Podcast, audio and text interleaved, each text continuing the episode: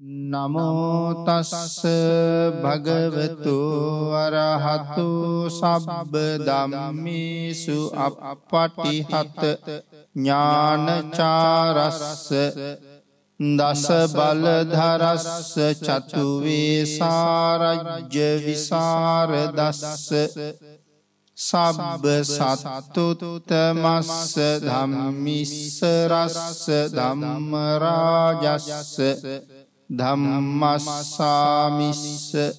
තථාගතස්ස සබ්බඥුනෝ සම්මා සම්බුද්දස්ස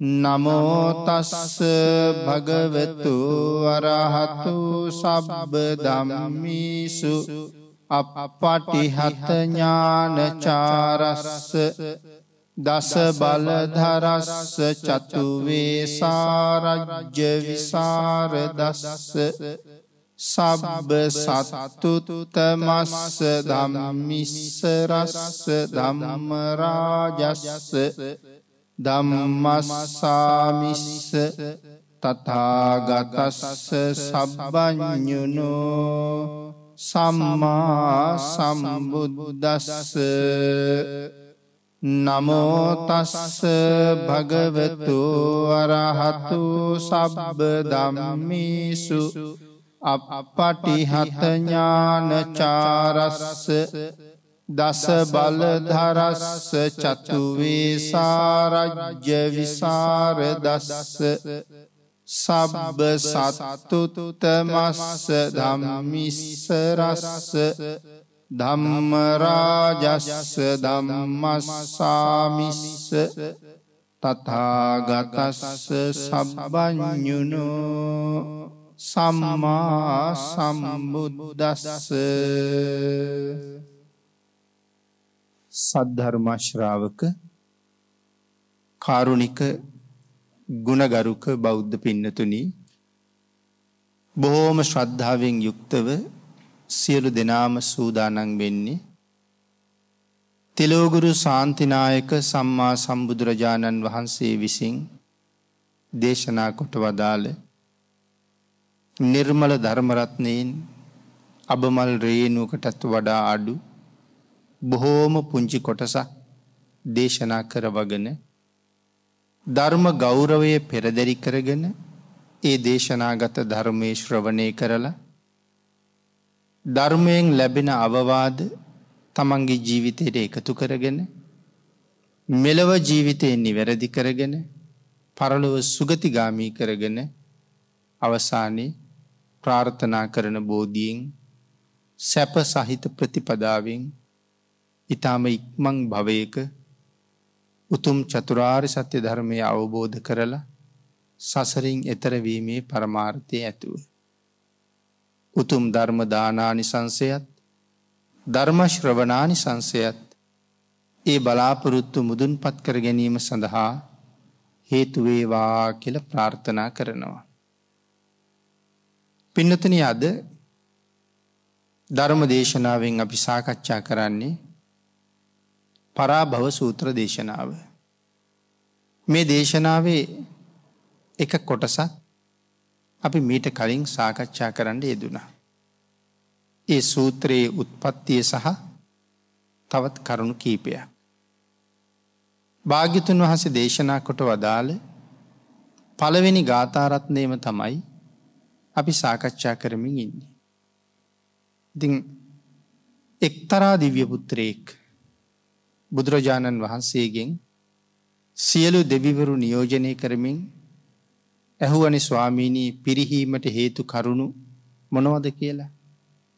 ඉතින් ඒ වෙලාව අපේ භාගිතුන් වහන්සේ සුවිජානෝ බවන් හෝති සුවිජානෝ පරාබව්.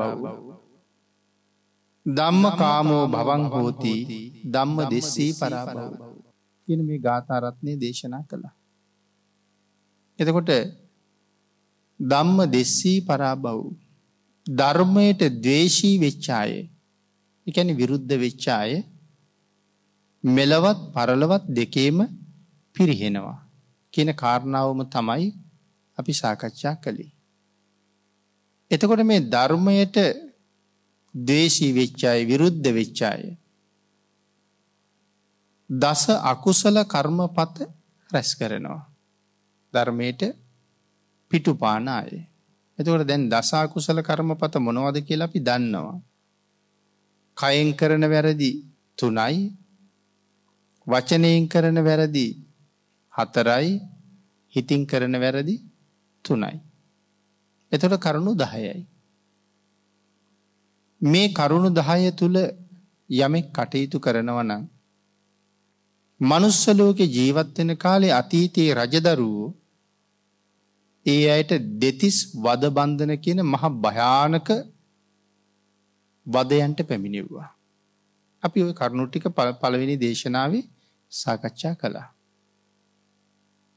අදත් එහෙම වදබන්ධන දකිින්ට නැතිවුණාට මේ තිදොරින් අසංවර වෙච්ච මේ වැරදිියොල නිරත වෙච්ච අයට සමාජයේ හරියට තාඩන පීඩන නඩු හබෝල්ට මූුණ දෙන්න සිද්ධවීම සමහර වෙලාවට සාමාන්‍ය ජනතාවගින් ගුටි කණ්ඩ සිද්ධ වෙන අවස්ථා මරණයට පත්වෙන්ඩත පවාතියෙන අවස්ථා බොහොම වැඩි.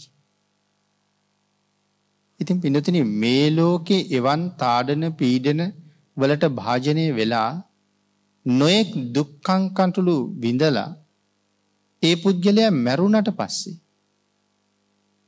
අතිශයිම්ම භයානක වෙච්ච නිරයේ උපත්තිය ලබනවා. එතකොට නිරය කියල සඳහන් කරහම. අපි නොයෙක් ධර්ම දේශනාවල් වලින් මේ නිරය කියන කාරණාව සහ ඒ සම්බන්ධ බොහෝ කරුණු අහල තියෙනවා. මහනිරේවල් තියෙනවා අටක්. එක මහනිරයක් වටේට පුංචි පුංචි අපායවල් තියෙනවා දාසයක්. එතකොට දාසය වරක් අට එකසිය විසි අටයි.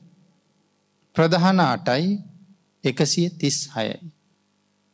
නිරේවල් සංඛ්‍යාව එකසිය තිස් හයක් හැටියට දක්වනවා නමුත් ධර්මය තවත් සමහර තැන්වල තවත් නංවලින් දක්වපු නිරේවල් පිළිබඳව කරුණු සඳහන් කරලා තියෙනවා.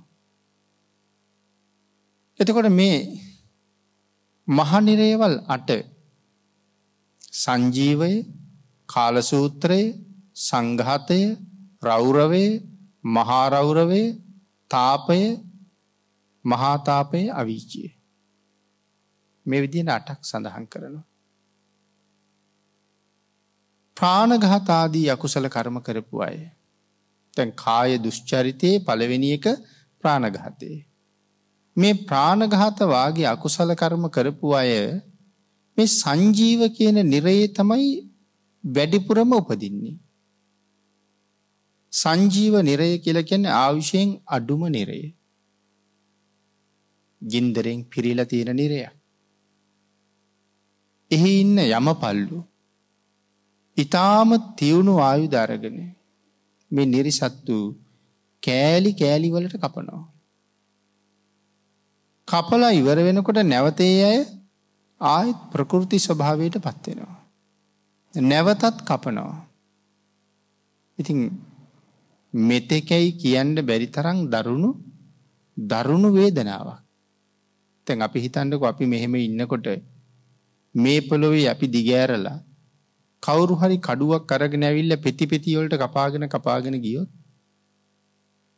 ප්‍රාණය රැඳිල තියෙනකං කොයි තරං වේදනාවක් දැනෙනවද කියලා.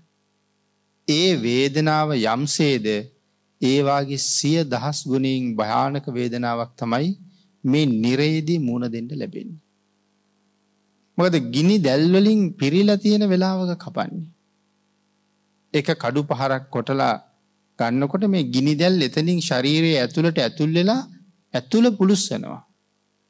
නැවත හටගන්නවා නැවත කපනවා. ඉති මේ ප්‍රාණඝාත කරපු අය මේ නිරයේ ඉතාම දරුණු වදබන්ධනවලට භාජනය වෙනවා. මේක තමයි සංජීව. ආයුෂ අඩුම නිරේ. ආයුෂ අඩුයි කියල කීවහම කොච්චරක් විතර ආවිෂ ඇද්ද. අපේ ජීවිත ආවිශෝලටත් වඩා අඩු ප්‍රමාණයක් නම් නෙමෙයි අඩුයි කියලකෙම අපිට හිතෙන් එහෙමනේ අපි මේ ආවිෂය හරියට දන්න ඇති නිසා. සංජීවයේ ආවිෂ චාතුම් මහාරාජිකයේ ආවුෂයත් එක තමයි ගණනය කරලා තියෙන්නේ. චාතුම් මහාරාජික දෙවියන්ගේ ආවිෂ මනුස්ස වර්ෂයෙන් අවුරුදු ලක්ෂ අනුවක්. අපේ අවුරුදු ලක්ෂ අනුවක් ඒ දෙවියන්ට ආවිෂය. එතකොට මේ ලක්ෂ අනුව මේ සංජීවයට එක දවසයි. ලක්ෂ අනුවේ එව්වා තිහක් මාසයයි. එවන් මාස දොළහක් අවුරුද්දයි. එවන් අවුරුදු පන්සීයක් සංජීවයට ආවිශයි. සාමාන්‍යින් නිරයවල් වල මහනිරයවල් වලින් ගණනින් කියන්න පුළුවන් ආවිෂයක් තියෙන නිරයමේ. ගැන මනුස්ස වර්ෂවලින් සඳහන් කළොත් බිලියන එක්දස් හයසිය විස්සක් විතර. මිලියන නෙමේ බිලියන එක්දා සයිසිය විස්සක් විතර ආවිෂයි. ඉති මේ ලෝකෙ ඉන්න සමහරායනං අලි ඇත්තුත් මරනවා. ඔය ගවයෝ වාගේ සත්තු ඌරෝ මුවෝ ගෝන්නු වගේ මහසත්තුත් මරනවා. තල්මස්සු වගේ සත්තු දඩේම යන අයත් ඉන්නවා. නමුත් සමහරය ඉන්නවා ඔය මදුරුවෙක් කෝඳුරුවෙක් මැස්සෙක් කැරපොත්තෙක් එහෙම සත්තු මරනවා. අරවාගේ මහා සත්තු මරන්න යන්නේ නෑ. නමුත් මදුරුවෙක් ඇගේ වැැහුවොත් මරනවා. කැරපොත්තෙක් ගෙදර ඉන්නවා දැක්කොත් මරනවා. කූම්බියෙක් කෑවොත් පොඩි කරලා දානවා. මේ සුළු සිද්ධියක් කියල මේක හිතන්නේ. නමුත් ඒ කූම්බිය මැරුවත් මදුරුවට ගැහුවත් යන්ඩ තියෙන නිරය තමයි මේක. අලිකොටි මරාපු අය විතරක් නෙමෙයි මදුරුවෝ කෝමි මරාපු අයත් මේ නිරේටම තීරණය වෙනවා. ඒකයි සසර භයානකත්වේ. ඉළඟට දෙවනි නිරේ ඉති මේ එක නිරයක් ගැන දීර්ඝ විස්තර තියෙනවා. අපි මේ ලෝකයේ අසත් පුරුෂව අකුසලයට බරව ජීවත්වෙච්චාය පිරිහෙන හැටි පැහැදිලි කරලා තියෙන කාරණාව තමයි මේ කෙටියෙන් සාකච්ඡා කරන්නේ. කාලසූත්‍රයේ තෙවැනි අපායි. මේ කාලසූත්‍රයේ මේ යම පල්ලු මහා හඬ නගාගෙන ඇවිල්ලා ගිනිගත්ත ආයුධවලින් ඇනල නිරිසත්තු යකඩ පොළොවේ පෙරලනවා. නිරයේ බිම යකඩින් හෙදිල තියෙනවා කියල කියන්නේ. තනිකරම ගිනි අරං අඹදලුවාගේ රතු වෙලා තියෙන්නේ. ගිනි දැල් මතු වෙවී තියෙනවා. ඒ පොළොවෙ පෙරලෙනවා. ඒ පොළොවෙ පෙරලලා අරගෙන එනවා කියනවා පොරොව සොල්දොර ගේක පලයක් වගේ කියල කියනවා ඒ පොරවා. නිරිසතත් ලොකොයිනේ සාමාන්‍යින් ගෞ තුනක් විතර උසයි කියල කියන සාමාන්‍යින් නිරිසතේ.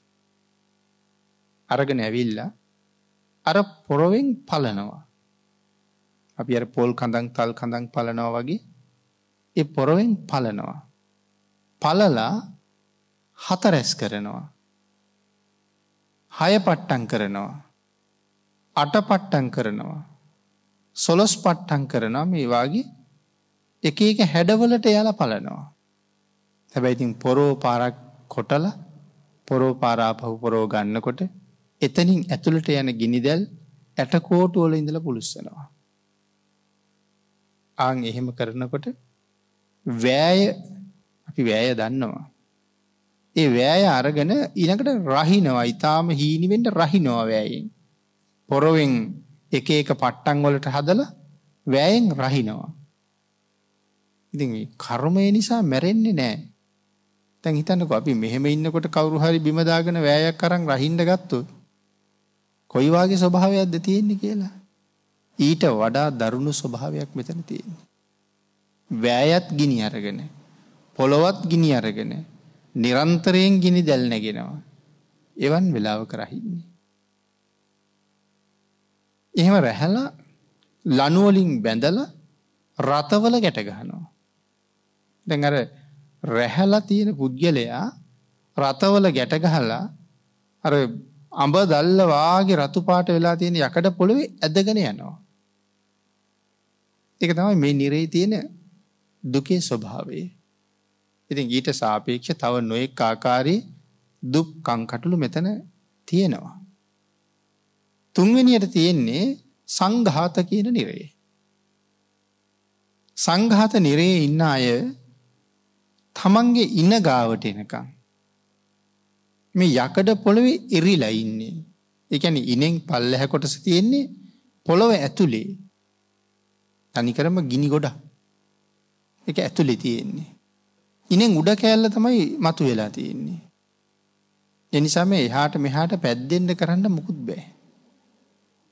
හැබ මේ නිරේ මේ දිරිසත්තු මෙහෙම දැවි දෙවී ඉන්නකොට ගිනිගත්ත යොදුන් ගණන් දිග මහා විශාල පරුවත තන්නිකර ගිනි අරන්තියෙන්. බැලූ බැල්මට මුදුන නොපෙනෙන තරම් මහ පරුවත. රෝල්වෙවී රෝල්වෙවී එනවා. මහා හඬ නැගෙනව රෝල් එනකොට. එතකට මේ නිරිසත්තුන්ට මොකද වෙන්නේ. අබ තලවාගෙ දේවල් තලනකොට පොඩි වෙන්නේ යම්සේද උග්ගහක් මේවාගේ යමකින් තලාගෙන ගියොත් කොහොම මිරිකෙනවද මෙ නිරිසත්තු ඒ තරමට තැලිල මිරි කිලා යනවා කියල සඳහන් කරනවා.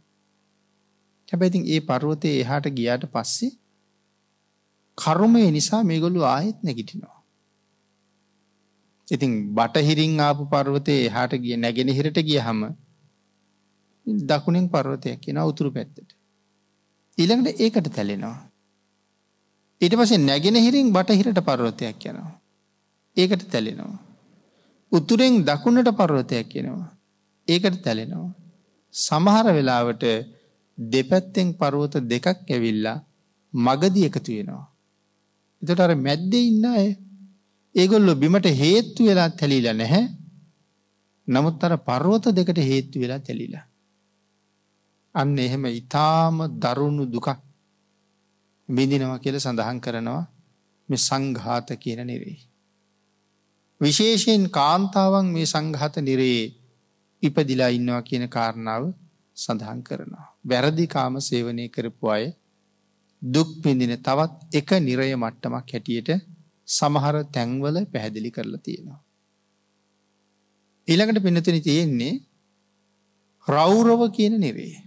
මේ රෞරව නිරය ශරීරය ගිනි අරගෙන දවන දුමක් තියෙන්නේ.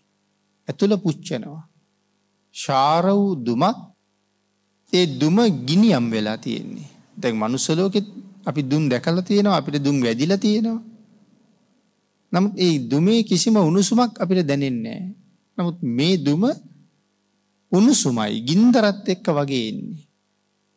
ශරීරයේ නවදොරින් ඇතුල් වෙනවා. ඇස් දෙකෙන් ඇතුල් වෙනවා කන් දෙකෙන් ඇතුල් වෙනවා නාස්පුඩු දෙකින් ඇතුල් වෙනවා මුකයෙන් ඇතුල් වෙනවා මළමූත්‍රා පහ කරන දොරටුවලින් ඇතුල් වෙලා සම්පූර්ණ ශරීර අභ්‍යන්තරයේ පුච්චනවා. මෙතෙකැයි මේ වේදනාව කියලා නිමක් නෑ. එතරං මහා ශාර දුමකින් නවදොරින් ඇතුල් වෙලා දවන දුක මේ රෞරව කියන නිරේ තියෙනවා. ඊළඟට තියෙන මහා රෞරවේ රක්ත ලෝහිතයෙන් පිරුණු ඉතාම බලවත් දුක් විඳින නිරයක්. රක්ත ලෝහිතයෙන් පිරල තියෙනවා කියල කියන්නේ. ය රතු පාට ලෙයින් ගිනියම් වෙච්ච ලෙයින් පිරිල තියෙන්නේ. දිරිසත්තු මේක මෙතකැයි කියාගණ්ඩ බැරි අපමණ දුකක් විඳිනවා. ඒ මහාරවුරවේ ඉළඟට තියෙන තාපයේ මේ තාපය කියන නිරයේ මේ ගිනිගෙන දිලිසෙන පොළවේ ගිනිගෙන දිලිසෙන යකඩ උල් හිටවලා තියෙන. පොළොවෙන්ම මතුවෙච්ච යකඩ උල් තියෙනවා. යම පල්ලු කරන්න අර මිනිස්සු නිරිසත්තු අරගෙන අරුවගේ උල තියෙනවා. පොළොවත් ගිනියන් වෙලා හාත් පසත් ගින්දරයි මේ උලත් ගිනියන් වෙලා තියෙන එක උඩ උල තියෙනවා. අං එහෙම විඳින මහා දුක්කන්දරාවක් මේ නිරේ තියෙනවා. ඉතින් නිශ්චලව උලේ ඇමිනිලා දැවි දෙවී දෙවි දෙවී ඉන්නවා. ඒ ඇමිනිච්ච වේදනාවත් දරනවා දැවෙන වේදනාවත් දරනවා එලවෙන්ඩ පෙරලෙන්ඩ විදිහකුත් කෝමත් නෑ. මැරෙන්නෙත් නැහැ කර්මය බලවත් නිසා. මැරුණොත් එවලෙම අපහු උපදිනවා ඒ කරුමය විසින්ම අපහු එතනම උපද්දවනවා. ඊළඟට තියෙන ප්‍රතාපයේ මේ ප්‍රතාපය කියන නිරය හරියට යමපල්ලෝ අති භයානක බහිරව රූපවාගේ කියල කියන්නේ. එ තරම් භයානක පෙනුමක් තියෙන නිරිසත්තු ඉන්නේ. මහා ගිනියංගුරු කඳු තියෙන්නේ. යකඩ උල් විවිධ උල් ආයුධ අරගෙන ඇවිල්ල මෙ නිරිසත්තුන්ට අනිනවා. ඇනල කියනවර ගිනියංගුරු කන්දදිගේ නගින්න කියලා. පහර දෙනවයි වගේ. නගින්ඩ කියන උඩට. ඉතින් කරන්න දෙයක් නෑ. මේ බැලූ බැල්මට තරම් කෙරවලක් නොපෙනෙන තරම් ගිනියගුරු කඳු තියෙන්නේ. ඉතින් නගින්ඩ නගින්ඩ නිතන්නක අංගුරු කන්දක ගොඩ වෙනකට අර වී ගොඩක ගොඩ වෙනවා කකුල් කඩාගෙන ඇතුළට යනවා. පිලිස්සෙනවා නිමක් නෑ. නමුත් කර්මය නිසා ඊළඟට නැවත පයෝසෝලා තියන්ඩ පුළුහංකම තියෙනවා ඉතින් එහෙම දෙවි දෙවී දෙවි දෙවී නගිනව නැංගෙ නැත්තං රායුදෝලින් පහර දෙනවා. මෙහෙම නැගල නැගල සෑහෙන දුරක් නැංගට පස්සේ මහ භයානක හඬ නගාගෙන හමාගෙනන ගිනියම් වෙච්ච හුලං තියෙනවා. ආංගේ හුළඟත් එක්ක ඔරොත්තු දීලා අර උඩට තව නගින්න බෑ. සමහරය උඩට යනවා සමහරය මග ඉන්නවා ඊට පසේ නිරිසත්තු ආපහු වැටෙනවා. වැටෙන්නේ හැම වෙලාම ඔළුව යටට කකුල් ඉහලට ඉසිලාතමයි වැටෙන්නේ. ඒ වැටෙන්නේ මේ ගිනිගත්ත යකඩ පොළොවට. ඒ වැටෙනකොට නිරිසත්තු වැටෙනකොට අර යකඩ පොළොයෙන් මතුවෙනවා යකඩ උල්. සඳහන් කරනවා මේ තරුණ තල් කඳන් තරුණ පොල් කඳන් වගේ ලොකුයි ඒ උල්. මතුවෙලා ඇවිල්ල තියෙන නිරිසත්තු ඔළුවෙන් ඇමිනෙනවා අර උල්වල.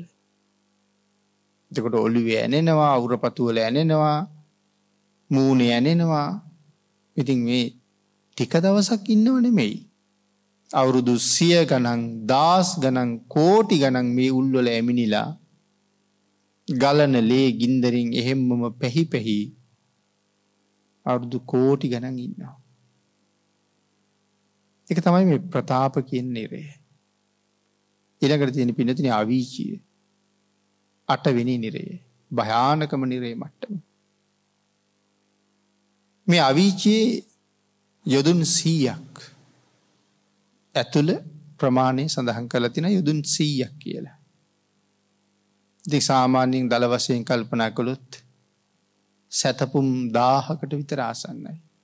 1000ක් 1200ක් උට ආසන්නයි දාහකට විතර ආසන්නයි.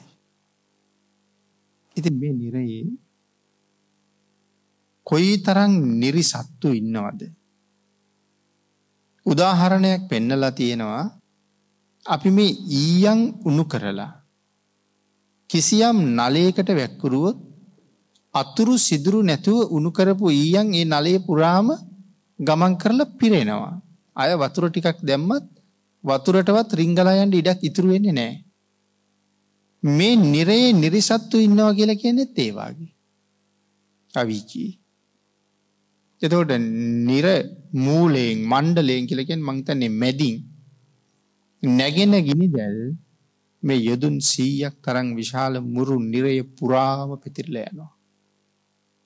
රත්තුම රතු පාට ගිනි දැල්. මනුස්සලෝක ගින්දරට වඩා ඉතා දරුණුයි කියලන සඳහන් කරන්නේ. මේ කාරණාව පැහැදිලි කරනවා මේ අපේ රටේ එක සිද්ධියකදී. අර සිතුල් පව්වේ වැඩහිටපු එක භික්‍ෂූන් වහස නම. රාතන් වහසකින් අහනවා ස්වාමීණී. ඒ නිරය පෙන්නන්ඩ බැරිද කියලා. එචොට කියන නිරය පෙන්නන්ට බෑ. හැබැයි නිරයෙන් ගත්ත ගිනි පුපුරක් පෙන්නන්නම් කියලා. හා කියනවා.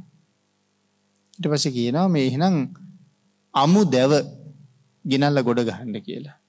අමු දැව ඉති සෑහෙන විශාල අමුදර කන්දක් ගොඩ ගහනවා. ගොඩ ගහල ගිහිල්ල කියනවා ස්වාමීණි හරි රහතන් වහන්සේත් ළඟට ගිහිල්ලා කියෙන හොඳට දරගොඩ දිහා බලාගන්ඩ. කියලා උන්වහස මේ නිරයෙන් අරගත්ත ගිනි පුපුරක් අපි අර දර කෑලි දෙකක් එකට වඩිනකොට ගිනි පුපුරු යන්නේ. ඒවගේ එක ගිනි පුපුරක් නිරයෙන් අරගෙන අර දරගොඩට දානවා. ගිනි පුපුර දරගොඩට දානවත් අමු දැව කදන් ගොඩ අලුවෙනවත් දෙකම එකවර සිද්ධ වෙනවා. එතරම්ම භයානකයේ ගින්න කියල සඳහන් කරන්න. එවන් ගිනි ජාලාවක් තමයි මේ අවිචී තියෙන්නේ. මේ තරං නිරිසත්තු ඒ අවිචයේ දුක්කිදිනවා. එතකොට මේ තියෙන්නේ මොකක්ද මේ පරිහානිය. දස අකුසල කරුම රැස් කරලා මෙලවත් පිරිහුණා. මිනිස්සුන්ගෙන් නින්දා පහස ලැබුව. මිනිස්සුන්ගෙන් බනුන් ඇහුවා. තාඩන පීඩනවලට ලක්වුණා නීතියෙන් දඩුවන් ලැබුව. මේවාගේ නොයෙක් හැල හැප්පීමවලට ලක්වෙලා ඊළඟට මැරිල ගිහිල්ල නිරේ ඉපදෙනවා. මේ නිරයේ ඉපදුනා කියලා නිරේ ගෙවන කාලය අති දීර්ගයින දැන් පළවෙනි නිරේ මට්ට මේ ආවිෂ සඳහන් කළා මනුස්සවර්ශයෙන් අවුරුදු ලක්ෂ අනුවක් එක දවසයි කියලා. එතකට මේ දෙවනි නිරේට නැත්තන් කාල සූත්‍රයට කොච්චර අවශ්‍ය ඇද්ද. අවුරුදු තුන්කෝටි හැට ලක්ෂයක් කාල සූත්‍රයට එක දවසයි. සංඝහතයට කොච්චර අවෂද මනුස්ස වර්ශයෙන් අවුරුදු දාහතර කෝටි හතලිස් ලක්ෂයක් මෙන්න මේ සංඝහතයට අවශ්‍යයි. මනුස්ස වර්ශයෙන් අවුරුදු දාහතර කෝටි හතලිස් ලක්ෂයක් සංඝහතයට එක දවසයි. එතකොට දාහතර කෝටි හතලිස් ලක්ෂයේ වූ තිහක් මාසයයි එවන් මාස දොළහක් අවුරුද්දයි. ඉතින් සාමාන්‍යින් ආයුෂ තියෙනවා එවන් වර්ෂ විශාල ප්‍රමාණයක්. සංජීවයට නං තිබුණේ අපායාවශවරුදු පන්සීයයි. එතොට මේ කාල සූත්‍රයට එනකොට දාහක් විතරෙනවා. සංගහතෙරෙනට දෙදාහක් විතර වෙනවා. එවන් අවුරුදු දෙදාහක් විතරේ. ඊළඟට පිනතරේ රෞරවේ. රෞරවේ ආවුෂ තමයි මනුස්ස වර්ශෝලින් අවුරුදු පනස් හත්කෝටි හැට ලක්ෂය මේ රෞරවට එක දවසයි. පනස් හත්කෝටි හැටලක්ෂයවත් තිහක් මාසයයි. එළකට තින්නේ මහා රෞරවේ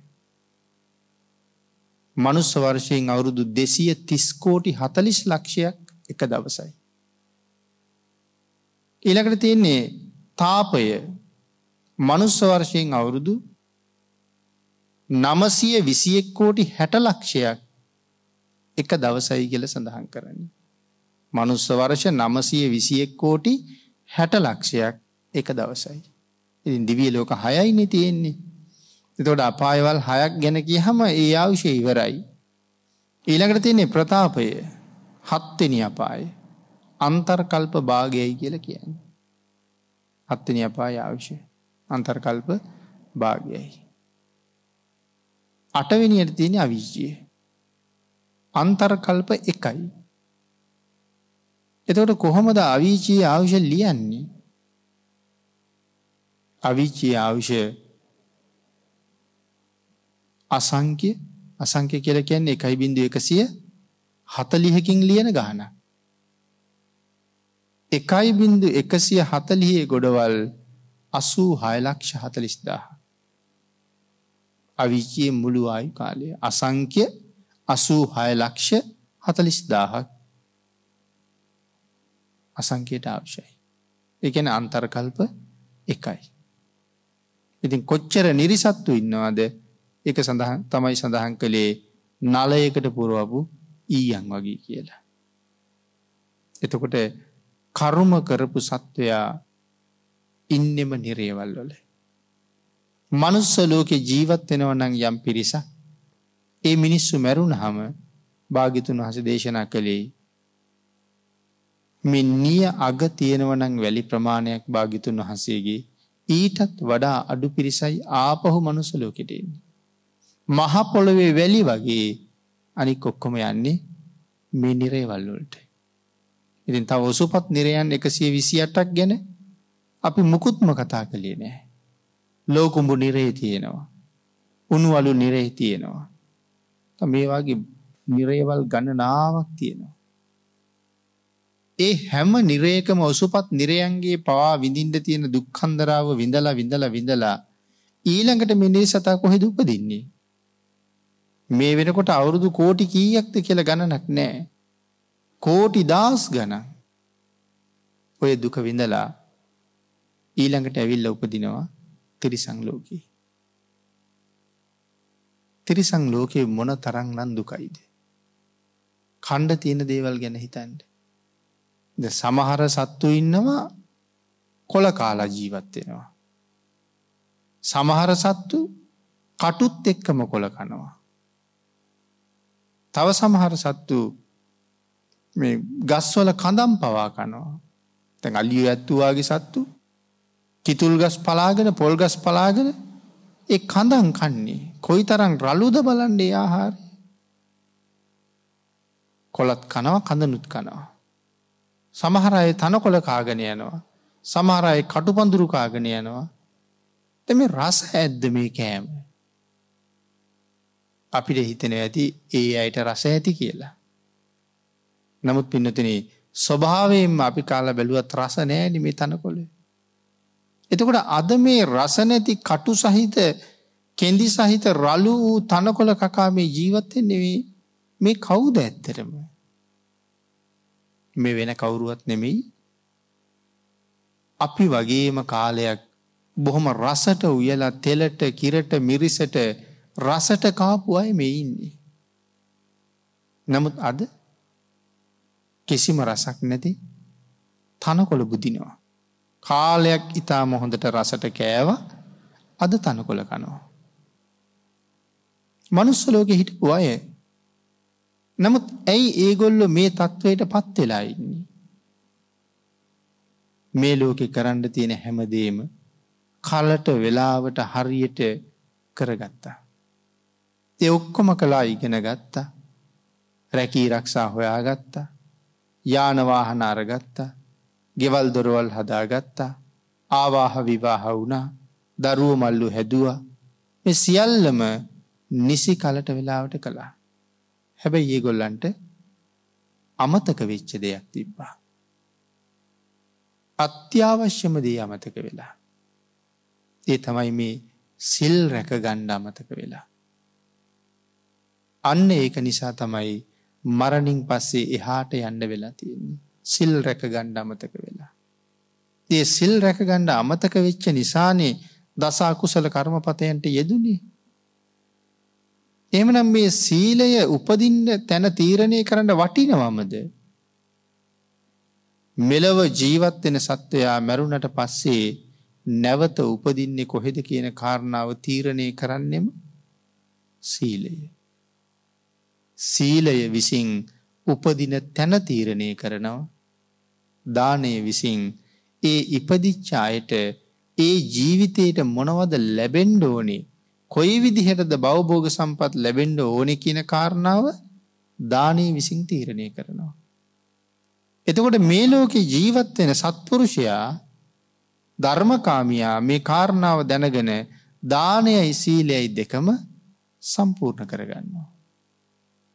එතකොට ඉතින් මේ කාලෙ පවතින වසංගතවාගෙන නෙමේ මීට වඩා භයානක වසංගතාවත් ඒ පුද්ගලයක් බයනෑ. කවද මැරුණත් කොතන මැරුණත් කොහොම මැරුණත් උපදින්නේ මේ තැනට වඩා ඉතාමත්ම හොඳ තැනක.